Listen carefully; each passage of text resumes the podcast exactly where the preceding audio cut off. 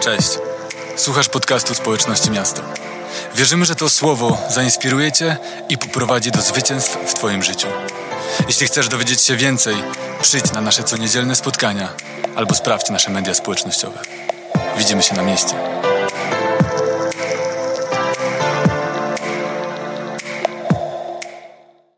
Zaczynamy nowy etap, nowy jakiś sezon, e, ograniczenia, kolejny lockdown, kolejne obostrzenia, ale dla społeczności miasta to nie są problemy, ale to są możliwości. Widzimy potencjał w tym, że możemy docierać do jeszcze większej ilości osób z uwielbieniem, które Bóg rodzi w tym e, kościele, ze słowem, e, z atmosferą wiary i chcemy zdobywać ludzi dla Bożego Królestwa bez względu na okoliczności. To jest nasz cel. Dlatego witam Cię serdecznie, gdziekolwiek jesteś. E, Możesz pomachać, zalajkować, napisać, skąd nas słuchasz i będziemy się z tego bardzo cieszyć. Jesteśmy teraz w serii Pole Bitwy. Seria e, Pole Bitwy o myślach, o polu bitwy, które dzieje się w naszych e, głowach. I w pierwszym tygodniu mówiliśmy o panowaniu nad myślami, o tym, jakich narzędzi używać po to, żeby jakkolwiek w ogóle zapanować nad tym chaosem, który często jest w naszych głowach. W drugim tygodniu Adam Dzieciątko mówił nam o myślach potępienia. Jak radzić sobie z myślami potępienia. A w kolejnym e, tygodniu, zeszłym tygodniu, pastor Maciek Grzenia, który jest dzisiaj z nami, mówił wspaniałe kazanie o myślach zniechęcenia. Ten finał był naprawdę doskonały. Wielkie brawa dla Maćka. Dzisiaj jesteśmy w temacie myśli niepewności. Wiecie, z mojego doświadczenia e, w relacjach z ludźmi, w pracy z ludźmi, z moich osobistych doświadczeń wynika, że to właśnie myśli niepewności są bardzo często początkiem wszystkich naszych problemów związanych w ogóle z radzeniem sobie z myślami. Że to właśnie w myślach niepewności, w zranionej tożsamości, w braku poczucia akceptacji, właśnie tam zaczyna się cały problem. Właśnie tam rozpoczyna się to miejsce warowni, pułapki, w którym chce nas zamknąć e, diabeł. Więc dzisiaj będziemy rozmawiali o myślach niepewności, będziemy dzisiaj rozmawiali o e, kwestii e, braku tożsamości, braku poczucia akceptacji, braku pewności e, w Chrystusie. I nie będziemy mówili o tym tylko, tylko z punktu widzenia e, powtórzenia wersetów, które już znamy na temat tożsamości, ale właśnie z perspektywy procesów w naszej głowie, e, z perspektywy tego, co dzieje się w naszych myślach, w naszym sercu. I chciałbym, żebyś po tym kazaniu żebyś po tym kazaniu po pierwsze wiedział, jak to jest ważny temat. Naprawdę, jednym z celów tego kazania jest to, żeby każdy z nas uświadomił sobie, że to jest po prostu fundamentalny temat, że od kwestii pewności w Chrystusie, tożsamości w Chrystusie zaczyna się wszystko. Więc to jest pierwszy cel. Drugi cel jest taki, że chcę, żebyś wiedział, co Bóg o tobie mówi. Chcę, żebyś naprawdę zrozumiał i przyjął z głowy do serca, co Bóg mówi na twój temat. I dzisiaj zaczynamy proces burzenia warowni i kładzenia fundamentu pod tożsamość pełną akceptacji w Chrystusie. To jest nasz cel. I nie pytam, czy ktoś jest na to gotowy, bo każdy z nas tego potrzebuje. Amen? Amen. Amen. Słuchajcie, zaczynamy od e, psalmu 139, e, werset od 13 do 16. I tam czytamy e, takie słowa. Ty sprawiłeś, że myślę i czuję. Utkałeś mnie w łonie mej matki. Dziękuję. Dopracowałeś mnie w każdym szczególe. Cudowne są Twoje dzieła. I moją duszę znasz dokładnie. Żadna moja kość nie uszła Twojej uwadze. Choć powstawałem w ukryciu, tkany w głębiach ziemi, Twoje oczy oglądały mnie w łonie. Na swym zwoju spisałeś me dni, zaplanowałeś je, zanim którykolwiek zaistniał. Inny werset z Księgi Jeremiasza 29:11, tam czytamy o tym, e, że Bóg wie, jakie ma o nas myśli. Myśli pełne pokoju, a nie niedoli. On ma dla nas szczęśliwą przyszłość. A więc to są tylko dwa z takich bardziej znanych fragmentów, które e, traktują o tożsamości w Chrystusie. Chcę Ci powiedzieć, że e, problem nie polega na tym, że nie ma tych wersetów. Tych wersetów jest bardzo dużo. Tych wersetów jest bardzo dużo, ale mimo wszystko wciąż wielu chrześcijan, może wielu z nas, może właśnie Ty dzisiaj, kiedy słuchasz tego kazania, zmagasz się z kwestią pewności w Chrystusie, toż- tożsamości w Chrystusie. I jakie są dwa problemy? Jakie są dwa podstawowe problemy? Pierwszy z nich jest taki, że nie wiemy, co Bóg o nas powiedział. My słyszeliśmy wersety. Słyszałeś werset z Psalmu 139, Jeremiasza 29 i jeszcze pewnie kilka innych. Może je słyszałeś, ale one nie stały się integralną częścią ciebie samego. One nie stały się twoją tożsamością. One nie stały się prawdą na temat tego, kim ty jesteś. Słyszeliśmy wersety, ale nie wiemy, co Bóg o nas powiedział. Nie wiemy, co Bóg powiedział do nas. To jest ten problem. W pierwszym kazaniu, jak mówiłem e, już wcześniej, traktowałem o myślach, e, o tym, jak panować nad myślami. I tam mówiłem o narzędziach, jakich możemy używać do tego, żeby panować nad myślami. I jedno z tych narzędzi nazywało się myśl, o czym myślisz. Myśl, o czym myślisz. To znaczy, to znaczy nawiguj te myśli, które mają ciebie zranić, diabelskie kłamstwa, usuwaj je i zastępuj Bożą prawdą. Oczywiście trzeba do tego trochę treningu, trzeba trochę wyciszenia i tak dalej. Jeśli jesteś zainteresowany, to zachęcam cię, żebyś wrócił do tego na naszych e, podcastach, Spotify, iTunes i tak dalej. Ale jeśli nasza głowa nie będzie naładowana tymi nabojami, jeśli nasza głowa nie będzie pełna tych słów, które Bóg o nas mówi, to nie ma znaczenia, że będziesz miał narzędzie myśl, o czym myślisz, bo co z tego, że na, będziesz nawigował i będziesz widział, jaka jest diabelska myśl, nawet ją usuniesz, ale nie będziesz miał czym zastąpić tego. To znaczy, będziesz burzył warownię, ale na miejsce tego nie będziesz budował duchowej świątyni, którą jesteś. I wiecie, to jest bardzo duży problem. Chciałbym odnieść się do Łukasza 11:24, historii Jezusa, bo on, ona bardzo dobrze pokazuje model diabelskich myśli, tego jak on działa w naszych, naszych głowach. Czytamy, że Jezus mówi, gdy duch nieczysty wychodzi z człowieka, nie wiem, czy kiedyś myślałeś o tym fragmencie w tym kontekście, przemierza miejsca bezludne w poszukiwaniu wytchnienia. Lecz gdy go nie znajdzie, mówi, wrócę do mojego domu tam, skąd wyszedłem. I czytamy dalej, że, że on jeszcze bierze więcej tych demonów ze sobą. Czytamy, że stan tej osoby e, jest później jeszcze gorszy niż pierwotnie. Właśnie na tym to polega. Jeśli my nie mamy w sobie tej prawdy, nie mamy tych słów w sobie, nie jesteśmy nim nakarmieni, to nie ma znaczenia, że niszczymy te wszystkie warownie, dlatego że na miejscu tej warowni jest tylko wysprzątany plac na co? Na to, żeby powstała kolejna większa warownia. Więc my musimy usuwać te warownie, a w miejsce tego przyjmować słowa Bożej prawdy. W miejsce tego musimy budować duchową świątynię, kamień po kamieniu, po kolei. Teraz zobaczcie, oczywiście Możesz powiedzieć, no ale właśnie znam te wersety. Tylko chodzi o to, że nie chodzi tylko, żeby słyszeć, żeby kiedyś słyszałeś ten werset, znasz, że jest napisane w 139 psalmie coś takiego i tak dalej. Chodzi o to, żeby to stało się częścią ciebie. I teraz oczywiście już to było mówione w tej serii, że jak kształtujemy nasze myśli przez słowa, przez słowo. I może teraz poczujesz, że to jest trochę takie oldschoolowe głoszenie, chociaż my jesteśmy w sumie radykalnym, konserwatywnym kościołem, ale chcę ci powiedzieć, że nie chcę cię wcale zachęcać do tego, żebyś czytał od deski do deski Biblię. O? Nie chcę cię do tego wcale zachęcać, dlatego że często jest tak, że zaczynamy czytać, mówimy, no słowo, słowo kształtuje nasze myśli, no to będę czytał. I czytasz księgę liczb i tam czytasz te liczby, liczby, liczby i okazuje się, że nic z tego nie wynika. Nic, to ciebie w ogóle nie buduje, to ciebie w ogóle nie zmienia. Dlaczego? Dlatego, że nie możesz wyciągnąć z tego żadnej duchowej prawdy, więc czytasz historię, czytasz książkę, ale nie karmisz się duchowym pokarmem. I teraz klucz jest w tym, żebyś kształtował swoje myśli Słowem Bożym, ale nie musisz wcale tego robić czytając Biblię od deski do deski. Chcę dać Ci trzy sposoby, które ja stosuję w swoim życiu i są naprawdę skuteczne. Pierwszy z nich to codzienne deklaracje. W mocy języka jest życie i śmierć, i chodzi o to, abyśmy ogłaszali nad swoim życiem to, co mówi o nas Bóg. Chodzi o to, żebyś był przekonany o tym, żeby to naprawdę stało się częścią Twojego życia. Dlatego ja każdego dnia wstaję, biorę wersety biblijne, biorę Słowo Boże i ogłaszam to, co jest tam napisane. Mówię o tym, że mam cel w swoim życiu, mam kierunek, że jestem namaszczony, że będę służył mojemu Kościołowi, Chrystusowi, będę służył mojej rodzinie, mojej żonie, e, że będę błogosławiony, że Bóg się o mnie troszczy, że nic mi nie grozi. To wszystko jest napisane w Słowie. I wiesz, Możesz wziąć swoje ulubione wersety, możesz wziąć jakiś plan biblijny, stamtąd wziąć wersety, możesz posłużyć się jakimś opracowaniem, które jest w internecie.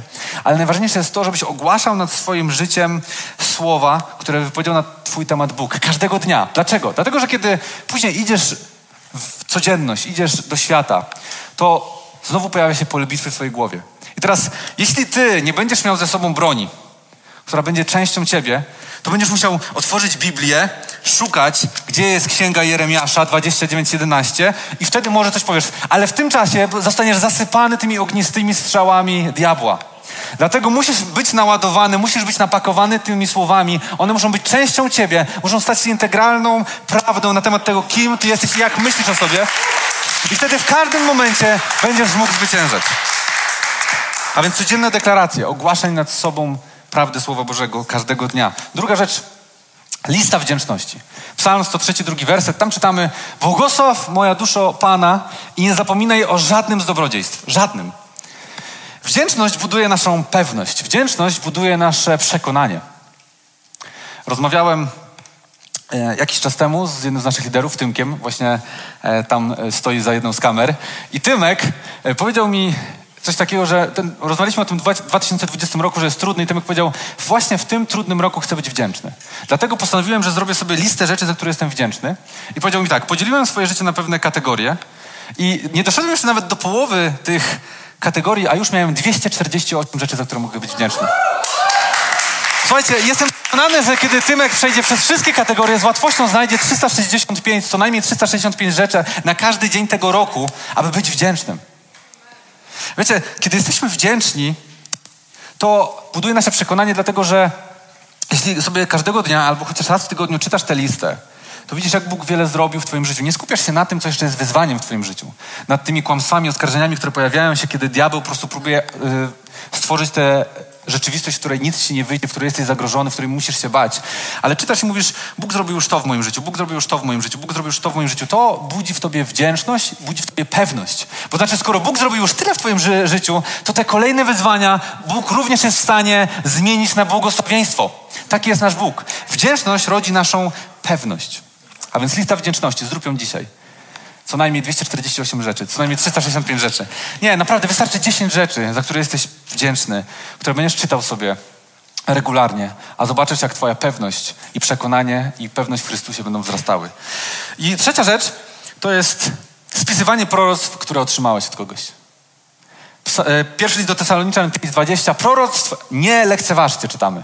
No i to jest w ogóle bardzo ciekawe, bo moje doświadczenie, jak tak patrzę na Kościół i na to, co się dzieje, to jest tak, że ktoś słyszy proroctwo od kogoś, ktoś mówi, mam dla ciebie proroctwo Sumion, nie? Mam, mam proroctwo dla Sumiona i co robi Sumion? Oczywiście to jest tylko przykład, Sumion tak nie robi, ale taki sobie jegomość mówi, fajnie, fajnie, jest podekscytowany, potem idzie i następnego dnia już nie pamięta, co zostało powiedziane. Sumion tak nie robi. Sumion tak nie robi.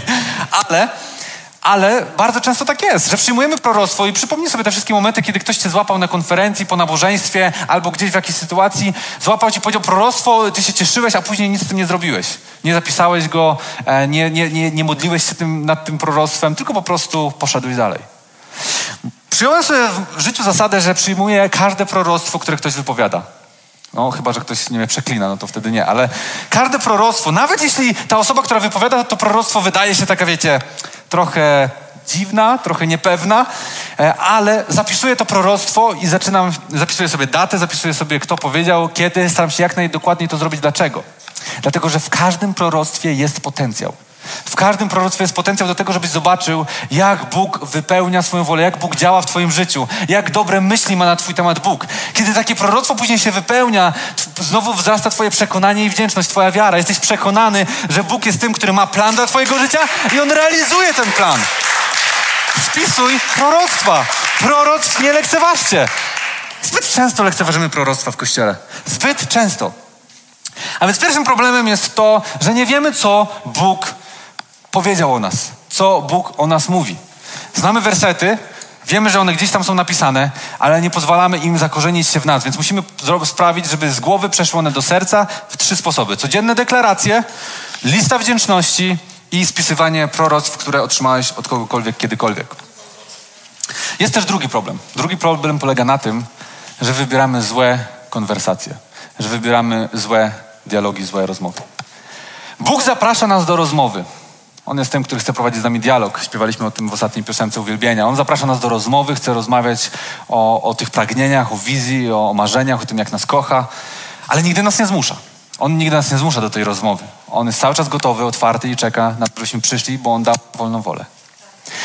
Jest też drugi głos w naszym życiu który wcale nie czeka, który nieustannie próbuje wciągnąć cię w te manipulacje, w tę swoją grę, w której ciągle próbuje cię oszukać, okłamać, w której próbuje zwieść cię i tym głosem jest głos diabła. Diabeł nieustannie chce tobą manipulować. I my nieustannie wybieramy ten zły dialog. To polega na tym, yy, wyobraźmy sobie, jakbyśmy rozmawiali z dziennikarzem, który nie jest nam przychylny. Czytałem ostatnio o tym, że kiedy jesteś szkolony do tych e, medialnych e, kontaktów z mediami, to jedną z zasad, kiedy masz e, kontakt z jakimś dziennikarzem czy z, jakim, z jakąś prasą, która nie jest ci przychylna, jest to, żebyś nie odpowiadał na pytania, ale trzymał się swojego stanowiska. Bardzo ciekawe, ale myślę, że jest w tym dużo prawdy. Że kiedy rozmawiasz z kimś, kto nie jest ci przychylny, kto jest dziennikarzem, kto później ma z tego zrobić jakiś materiał, to właściwie cokolwiek byś nie powiedział na, na, jego pytanie, to po pierwsze w tych pytaniach są już jakieś sugestie, są już jakieś tezy, są już jakiś kierunek, w którym to ma podążyć. Po drugie, bez względu na to, jak dobrze byś na to nie odpowiedział, to może być wyci wyciągnięte z kontekstu, zmanipulowane, wycięte to, co było dobre, a wzięte jedno słowo, które było nietrafione i później za, właściwie zawsze wychodzi, że e, na twoją niekorzyść. Dlatego uczeni są w tych e, szkoleniach e, ludzie, żebyś trzymał się swojego stanowiska. Ktoś zadaje ci pytanie, a ty trzymasz się swojego stanowiska. Wiesz, jakie jest stanowisko, wiesz, co chcesz powiedzieć, wiesz, wiesz co chcesz zakomunikować. I teraz myślę, że właśnie to jest ten problem, który mamy z diabłem, że diabeł nieustannie zadaje ci pytanie, w którym jest sugestia, już manipulacja, a my odpowiadamy na te pytania. Czyli na przykład, ile razy było tak, że diabeł zadał ci takie pytanie, czy już zawsze będziesz, będę samotna? I to jest diabelska myśl i w tym pytaniu już jest jakaś sugestia. Że już jesteś samotna, że już zawsze tak będzie i że właściwie wszystko wydaje się, że będzie beznadziejne. Albo czy ja, czemu tylko ja jestem nieudacznikiem? Nie? Albo czemu nie zawsze to spotyka? Ile razy miałeś takie myśli? To są diabelskie myśli. I to są właśnie te pytania, w których diabeł chce już tobą manipulować. Ty oczywiście, może nawet twoja pierwsza odpowiedź jest dobra, mówisz, nie, nie, mój Bóg się o mnie troszczy, mój Bóg ma dla mnie kogoś, ale on potem zadaje ci kolejne pytanie i kolejne i w końcu już trzecia, czwarta odpowiedź, już jesteś pogubiony. Diabeł zawsze manipuluje. Zobaczcie, Adam i Ewa. W ogóle uwielbiam e, pierwsze rozdziały Księgi Rodzaju, bo tam jest tyle praw, takich ogólnych praw na temat naszego duchowego życia, na temat człowieka i później przez całą Biblię one są e, rozbudowywane, omawiane i tak dalej, więc naprawdę uwielbiam tę prostotę e, historii Adama i Ewy. Zobaczcie, Ewa, kiedy rozmawia z wężem, co tam się dzieje? Prześledźcie sobie ten dialog, cały dialog węża i Ewy. On zaczyna już motać właściwie, z którego drzewa ona miała nie jeść. Ona próbuje mu jakoś odpowiedzieć, ale już się też w tym gubi, więc ona po prostu daje się manipulować, wchodzi w tę grę. Później ona już właściwie nie wie, co Bóg powiedział, czego nie powiedział. Później właściwie ma wątpliwości, czy, czy, diab- czy Bóg właściwie e, kim dla nich jest, czy on chce dla nich dobrze. Nie? Bo diabeł już mówi, no widzisz, on właśnie e, ci zakazał, bo nie chce, bo nie chce, żebyś, e, żebyś, żebyście byli tacy jak ona, jak on. A więc on każdym tym pytaniem wkręcał ją coraz bardziej, aż doprowadził do grzechu, aż doprowadził do upadku. I to jest właśnie ta konwersacja, którą my wybieramy. My próbujemy koniecznie odpowiedzieć na te zarzuty, odpowiedzieć na te oskarżenia, które diabeł nam e, podsuwa. Ale mamy też obraz kogoś, kto był właściwie wzorcem dla tych szkoleń media, e, z mediów i z kontaktów z mediami. Był tą osobą Jezus Chrystus, Mateusza czwarty rozdział. Tam właśnie Jezus pokazuje, jak powinieneś radzić sobie z mediami, które nie są ci przychylne. Jezus również jest, e, próbuje diabeł również Jezusa wciągnąć w tę trudno, w tę grę i w tę manipulację. Zobaczcie, on używa nawet słów Boga. Słów, które poniekąd są prawdziwe. Ale co robi Jezus? Jezus nie zaczyna mu tam odpowiadać, jakoś, e, coś mu udowodnić, ale co robi Jezus? Jezus mówi, jest napisane. On trzyma się tylko jednego stanowiska. On wie, co powiedział mu Bóg, co powiedział mu jego ojciec. On nie zastanawia się nad tą konwersacją i nad tym, żeby udowodnić coś diabłu i na tym zbudować swoją tożsamość. Jego tożsamość zbudowana jest i oparta na tym, co powiedział mu Bóg. Trzyma się swojego stanowiska. Trzyma się swojego stanowiska. Wybiera właściwą rozmowę. On wie, że rozmowa, która ma go budować i określa jego tożsamość, to rozmowa, którą, którą przeprowadził ze swoim ojcem, a nie ta rozmowa, którą będzie teraz toczył z diabłem. I zanim wąż zacznie ci podsuwać swoje pytania, musisz wiedzieć, co Bóg o tobie powiedział, więc to jest pierwsza rzecz. I nie możesz odpowiedzieć na podstawie jego sugestii, ale na podstawie tego, co usłyszałeś od Boga w rozmowie z nim. I co usłyszałeś od Boga? Co usłyszałeś od Boga? Usłyszałeś, że jesteś kochany, że jesteś wybrany, że jesteś namaszczony. Usłyszałeś, że jesteś królewskim kapłaństwem. Usłyszałeś, że żadna broń ukłota przeciwko Tobie nie będzie skuteczna. Że ani śmierć, ani życie nie oddzieli Cię od miłości, która jest w Chrystusie Jezusie naszym Panu. Że w Chrystusie możesz zawsze zwyciężać. Że nawet jak matka zapomni o Tobie, to ono Tobie nie zapomni. Że nie masz sobie ducha lęku, ale mocy, miłości i trzeźwego myślenia. Że jesteś błogosławiony, że Ty masz być błogosławieństwem. I to tylko kilka rzeczy, które, jest, które są napisane w Słowie na Twój temat. Chodzi o to, żeby one stały się integralną częścią Twojego życia i żeby to był dialog, który cały czas prowadzisz z Bogiem, a nie wchodzisz w dialog i w konwersację z diabłem. I przygotowując się do tej serii, do tego kazania, miałem przyjemność rozmawiać e, z Kasią Sawicką, która jest dosyć znaną, dosyć znaną vlogerką, influencerką, e, terapeutą, e, pedagogiem, psychologiem. I rozmawialiśmy sobie na temat właśnie myśli i tego tej granicy między psychologią a wiarą i jak, jak tutaj to wszystko ugryźć. Bardzo ciekawe spotkanie, bardzo wartościowe rzeczy i, i dużo rzeczy zainspirowało mnie do tego e, kazania właśnie z tych rozmów e, z Kasią. Ale jedną rzecz, którą Kasia powiedziała, e, chciałbym teraz przytoczyć, bo powiedziała o tym, że tak z jej punktu widzenia nie jesteś w stanie wygrać z myślami. Nie jesteś w stanie wygrać z myślami. Myślę, że to koresponduje z tym, co powiedziałem. Nie jesteś w stanie wygrać z tymi myślami diabelskimi, bo on zawsze będzie i będzie jak ten lew ryczący, który krąży, szukając kogo pożreć. On zawsze wymyśli nowy argument, on zawsze wymyśli nowe oskarżenie. On będzie unicestwiony dopiero na końcu, a do tego czasu on cały czas będzie ciebie atakował. Więc nie chodzi o to, że masz wygrać z tymi myślami, ale chodzi o to, żebyś trzymał się właściwego dialogu, właściwej rozmowy, rozmowy z Twoim Bogiem. I zobaczcie, my bardzo często upadamy, bo nam się wydaje, że jestem już tak dojrzały, mam już taką tożsamość w Chrystusie, że mogę teraz po prostu wymieniać się i naparzać się z diabłem. A co czytamy w pierwszym liście do Koryntian 10:12? Dlatego, kto myśli, że stoi, niech uważa, aby nie upadł. Bardzo często upadamy dlatego, że wchodzimy w niewłaściwą konwersację, w niewłaściwy dialog. Amen. Słuchajcie, Jednym z najczęstszych zapalników, jednym z najczęstszych zapalników tych myśli niepewności, tego braku tożsamości w nas jest, e, jest to, że się porównujemy. Że ciągle mówimy sprawdzam. Że ciągle mówimy sprawdzam. Sprawdzam, czy jestem teraz lepszy od kogoś, czy jestem gorszy. Sprawdzam, czy ktoś powiedział, że mnie lubi, czy mnie nie lubi. Że ktoś powiedział, że mnie kocha, że mnie nie kocha. Czy już osiągnąłem to, czego Ty Boże ode mnie oczekujesz. Czy już osiągnąłem to, czego oczekuje ode mnie moja żona, mój mąż. Czy już osiągnąłem to, czego oczekiwał ode mnie mój rodzic ciągle mówimy sprawdzam i szukamy tej akceptacji. Ale wiecie, kiedy wchodzimy właśnie w takie myśli, tego poszukiwania akceptacji, to tak naprawdę za każdym razem okazujemy bardzo dużą niewdzięczność. Bo innymi słowy mówimy, Boże, Ty jako mój Stwórca pomyliłeś się. Nie jesteś doskonały w swoim stworzeniu, bo ja nie jestem doskonały, bo moja służba nie jest doskonała, bo przecież jestem gorszy, ktoś ma lepiej, ktoś zrobił to lepiej, ja nie jestem w stanie tego tak zrobić i tak dalej, i tak dalej.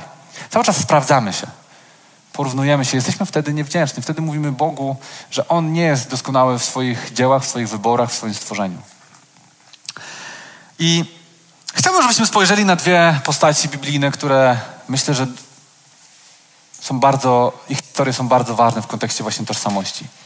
Jedną z nich jest oczywiście Jezus, bo wszystko zawsze sprowadza się do Jezusa Jezus jest odpowiedzią, ale drugą jest też Jeremiasz. I zaczniemy od Jeremiasza. Słuchajcie, Jeremiasz to był prorok, który miał głosić nawrócenie ale bardzo długo w ogóle nikt nie przyjmował tego przesłania.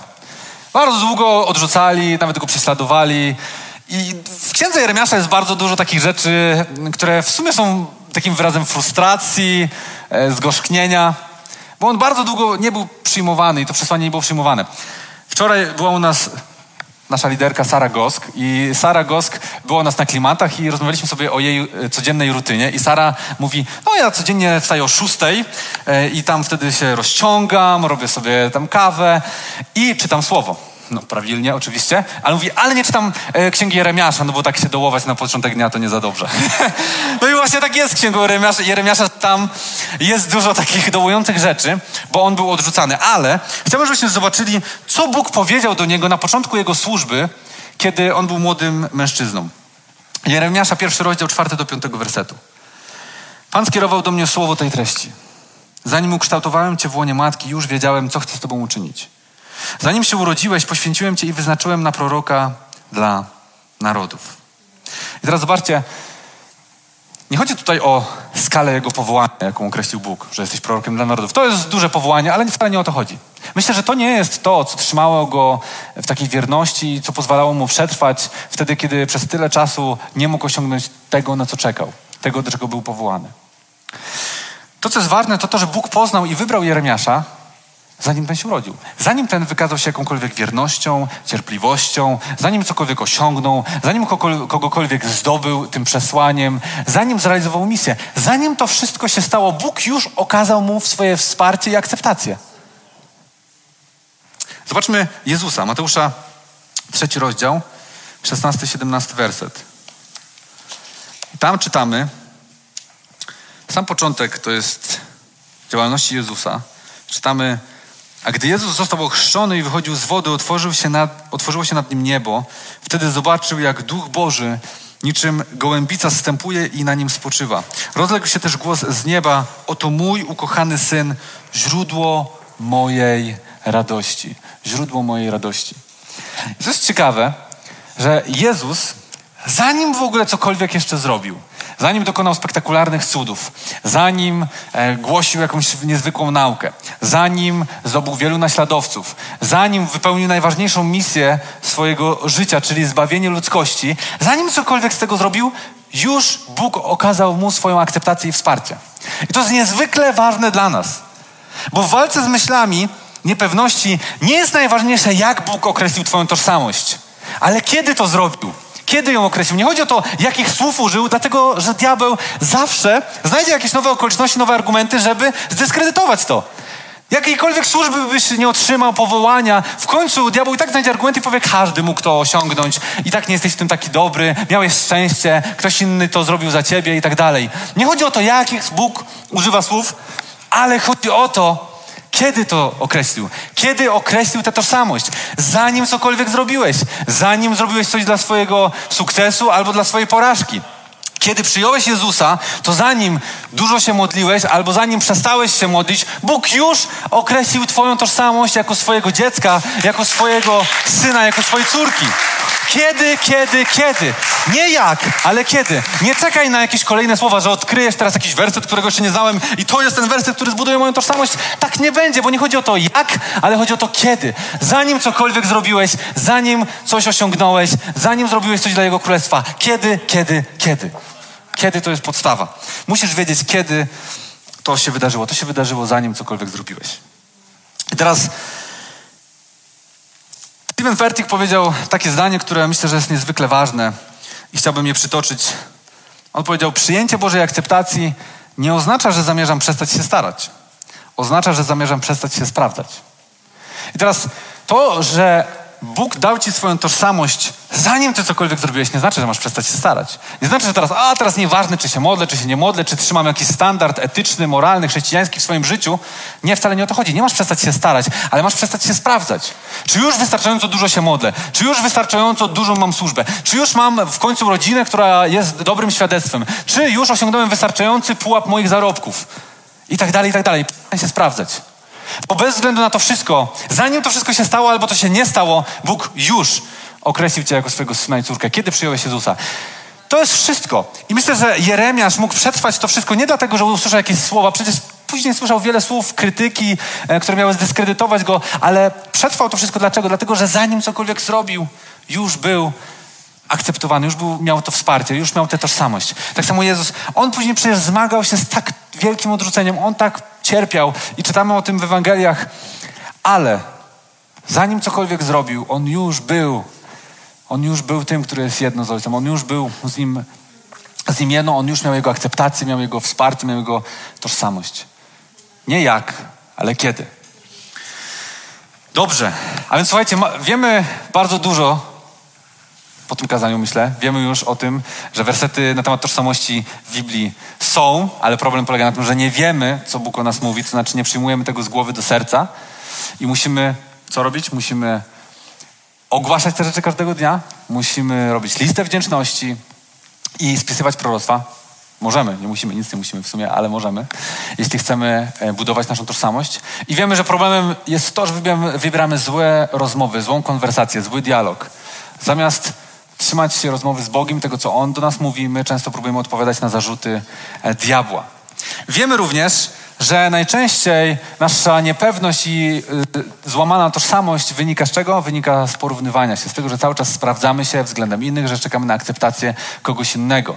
A nie chodzi o to, żeby sprawdzać się, ale chodzi o to, żeby usłyszeć od Boga i żeby być przekonanym o tym, że żadna rzecz nie wpływa na naszą tożsamość. Nie chodzi o to, jak Bóg określił naszą tożsamość, ale chodzi o to, kiedy. Zrobił to, zanim cokolwiek zrobiłeś w swoim życiu, aby być lepszym chrześcijaninem albo żeby być gorszym chrześcijaninem. Wszystko zaczyna się od tego, że kiedy przyjmujesz Jezusa, już bez względu na to, co zrobiłeś, co zrobisz, jesteś akceptowany. Masz tożsamość w nim. Kiedy, kiedy, kiedy.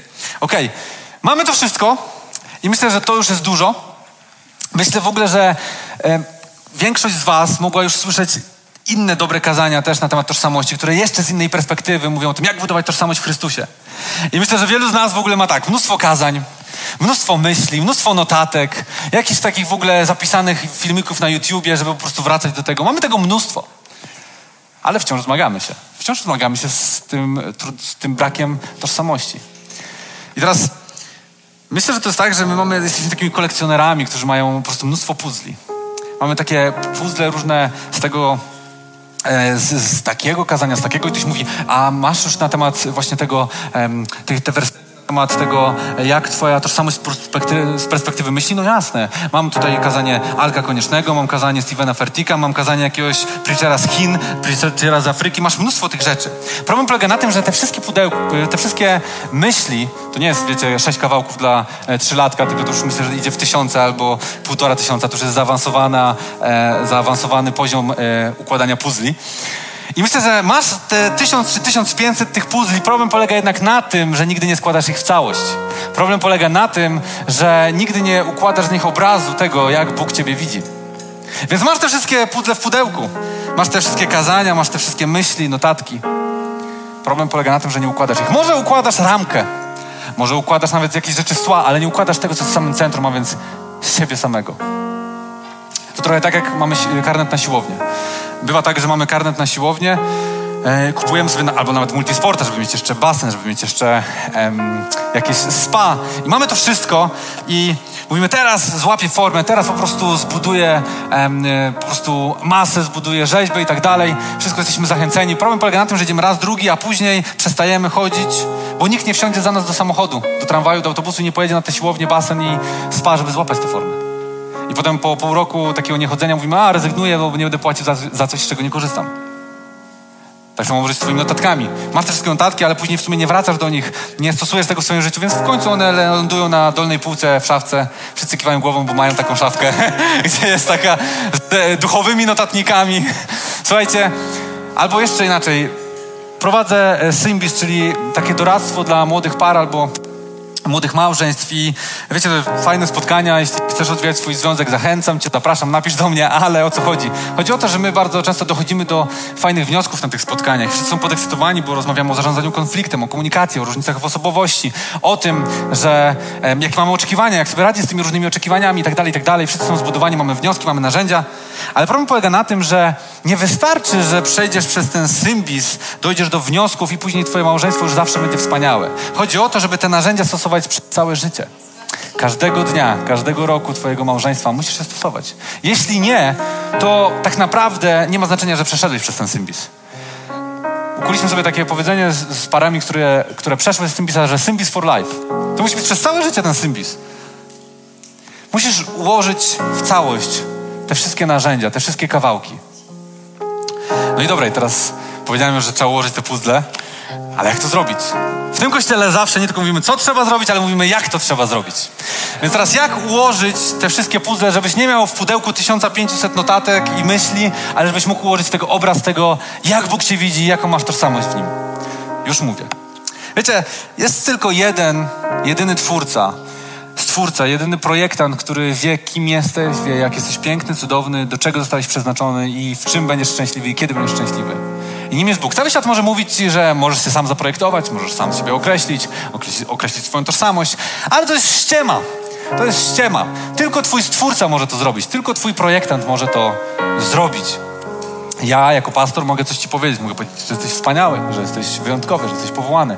Ludzie wokół mogą to zrobić. Twoja rodzina może to zrobić. W ogóle chciałem powiedzieć, w tym kościele, jestem bardzo tym zachęcony, że wielu ludzi doświadcza tej zachęty. Wielu ludzi jest zbudowanych, dlatego że mamy tę atmosferę, mamy tę kulturę. Ludzie w mieście zachęcają siebie nawzajem. Każdy, kto przychodzi, szuka swojego talentu i ludzie rozpoznają w nim ten talent, rozpoznają w nim te, te, te pragnienia i wizję, jaką Bóg ma dla jego życia. To jest coś cudownego. To jest kultura, którą wytworzycie i ona jest bardzo dobra. Ona jest potrzebna. Ale chcę wam powiedzieć, że nie ma doskonałego pastora, autorytetów, y, nie ma doskonałego kościoła, nie ma doskonałych rodzin. I często jest tak, że powinieneś coś usłyszeć od jakiegoś autorytetu w kościele, od, od swojego rodzica, gdzieś w rodzinie, ale nie usłyszysz. Ale nie usłyszysz. A nawet jak usłyszysz, to i tak to nie wystarczy. Jeśli chcesz naprawdę usłyszeć i przyjąć to, kim jesteś, to On, Twój Stwórca, musi Cię przekonać. To On musi Ci to powiedzieć i to musisz usłyszeć od Niego. On musi to zrobić. I teraz jak słuchać Bożego głosu? I teraz wrócimy znowu do czegoś konserwatywnego, radykalnego, oldschoolowego, bo takim właśnie kościołem jesteśmy. takim właśnie kościołem jesteśmy, bo nie wymyślamy nowej Ewangelii. To wszystko zostało już powiedziane. Możesz słuchać Jego głosu przez modlitwę, przez czytanie słowa i przez uwielbienie. Są trzy narzędzia, które są wystarczające. One zawsze były, one są i zawsze będą dostępne. Ale jaka jest ważna, ważny punkt w, tym, e, w tej kwestii? Nie chodzi o to, żebyś modlił się i cały czas mówił, Panie Boże, określ moją tożsamość, Panie Boże, proszę powiedz mi, jak bardzo mnie kochasz. Albo czytał słowa, słowo i szukał nam jakichś etycznych wniosków, moralnych wniosków. Albo żebyś uwielbiał i cały czas śpiewał, śpiewał, śpiewał, śpiewał. Ale chodzi o to, żebyś znalazł taki sposób modlitwy, czytania słowa i uwielbiania, żebyś mógł słyszeć Jego głos. Żebyś pozwolił Mu przemawiać do siebie. Zobaczcie, my często dużo gadamy, bo się boimy usłyszeć, albo nie chcemy usłyszeć, albo diabeł prowadzi nas w tym kierunku po to, żebyśmy nie usłyszeli. A chodzi o to, żebyś usłyszał Jego głos. Chodzi o to, żebyś usłyszał Jego głos. Chodzi o to, żebyś zbudował z Nim maksymalną intymność i bliskość. Chodzi o to, żebyś słuchał i nasłuchiwał, żebyś pragnął słyszeć Jego głos. Nie tylko mówić i oczekiwać, ale słyszeć to, co On do Ciebie mówi. A On Cię przekona. Jeśli pozwolisz Mu zbliżyć się, On Cię przekona. Nie ja, nie Twój Kościół, nie Twoi znajomi, ale Twój Bóg przekona Cię. Kościele, chciałbym podsumować, co dzisiaj powiedzieliśmy, żeby nic nam nie uciekło. Słuchajcie, po pierwsze, są dwa główne problemy w obszarze naszej tożsamości. Pierwszy jest to taki, że nie wiemy, kim Bóg nas nazwał. Drugi, że wchodzimy w złe konwersacje. Zamiast rozmawiać z Bogiem i trzymać się tego, co On powiedział, my próbujemy odpowiedzieć na to, e, czym oskarża nas diabeł. Dlatego nigdy nie odpowiadaj diabłu na podstawie jego sugestii, ale na podstawie tego, co powiedział o tobie Bóg. Dalej, w walce z myślami niepewności nie jest najważniejsze, jak Bóg określił Twoją tożsamość, ale kiedy to zrobił. Zrobił to zanim zrobiłeś cokolwiek albo czegokolwiek nie zrobiłeś. Zanim to wszystko było, kiedy tylko przyjąłeś Jezusa, od razu otrzymałeś Jego akceptację i tożsamość, zanim cokolwiek zrobiłeś. Nie chodzi o to jak, ale kiedy. I dalej, jedynie Bóg może dać Ci prawdziwą akceptację i ostatecznie przekonać Cię o tym, jak wyjątkowy jesteś. Tylko On to może zrobić, nikt inny. Dlatego, ostatnia rzecz, potrzebujesz przez modlitwę, słowo i uwielbienie dać Mu do siebie dostęp i zbudować z Nim maksymalną, maksymalną bliskość. Maksymalną bliskość. I teraz chciałbym dać nam szansę na to, abyśmy mogli przyjąć przyjąć tę tożsamość, przyjąć tę akceptację, abyśmy mogli to usłyszeć. Więc chcę krótko się pomodlić, a później zaprosić nas wszystkich, jak tu jesteśmy em, razem w studio, ale też Ciebie przed ekranem, żebyś po prostu zaczął słuchać. Panie Boże, modlę się o każdą osobę na tym miejscu, czy w, gdziekolwiek teraz jest w swoim domu, ze znajomymi, czy sam. Modlę się o to, abyś Ty, Duchu Święty, dzisiaj mówił do nas. Modlę się o to, abyśmy przyjęli to objawienie, abyśmy pozwolili, żeby te rzeczy, które są w naszej głowie, przeszły do naszego serca. Panie, modlę się o to, abyśmy mieli w sobie taką wytrwałość w tym, aby ogłaszać nad sobą słowa Twojej prawdy, abyśmy e, nie lekceważyli proroctw, abyśmy byli wdzięczni. Panie, modlę się o to, abyśmy zawsze trzymali się tego głosu, którym Ty do nas mówisz, a nie odpowiadali na te wszystkie oskarżenia, z którymi przychodzi diabeł. Panie, modlę się, abyśmy przyjęli to, że nie chodzi o to, jakich słów Ty użyjesz, ale chodzi o to, kiedy Ty nas ukochałeś, a zrobiłeś to zanim cokolwiek my zrobiliśmy. Dzisiaj zapraszam Cię do tego, abyś przyszedł do naszego życia, abyś zburzył te warownie i w tym miejscu postawił świątynię, która będzie naszą tożsamością, która będzie prawdą, w której będziemy gromadzili te skarby, którymi Ty do nas przemawiasz. Duchu Święty, chcemy Ciebie słuchać, chcemy przyjmować to objawienie w imieniu Jezusa.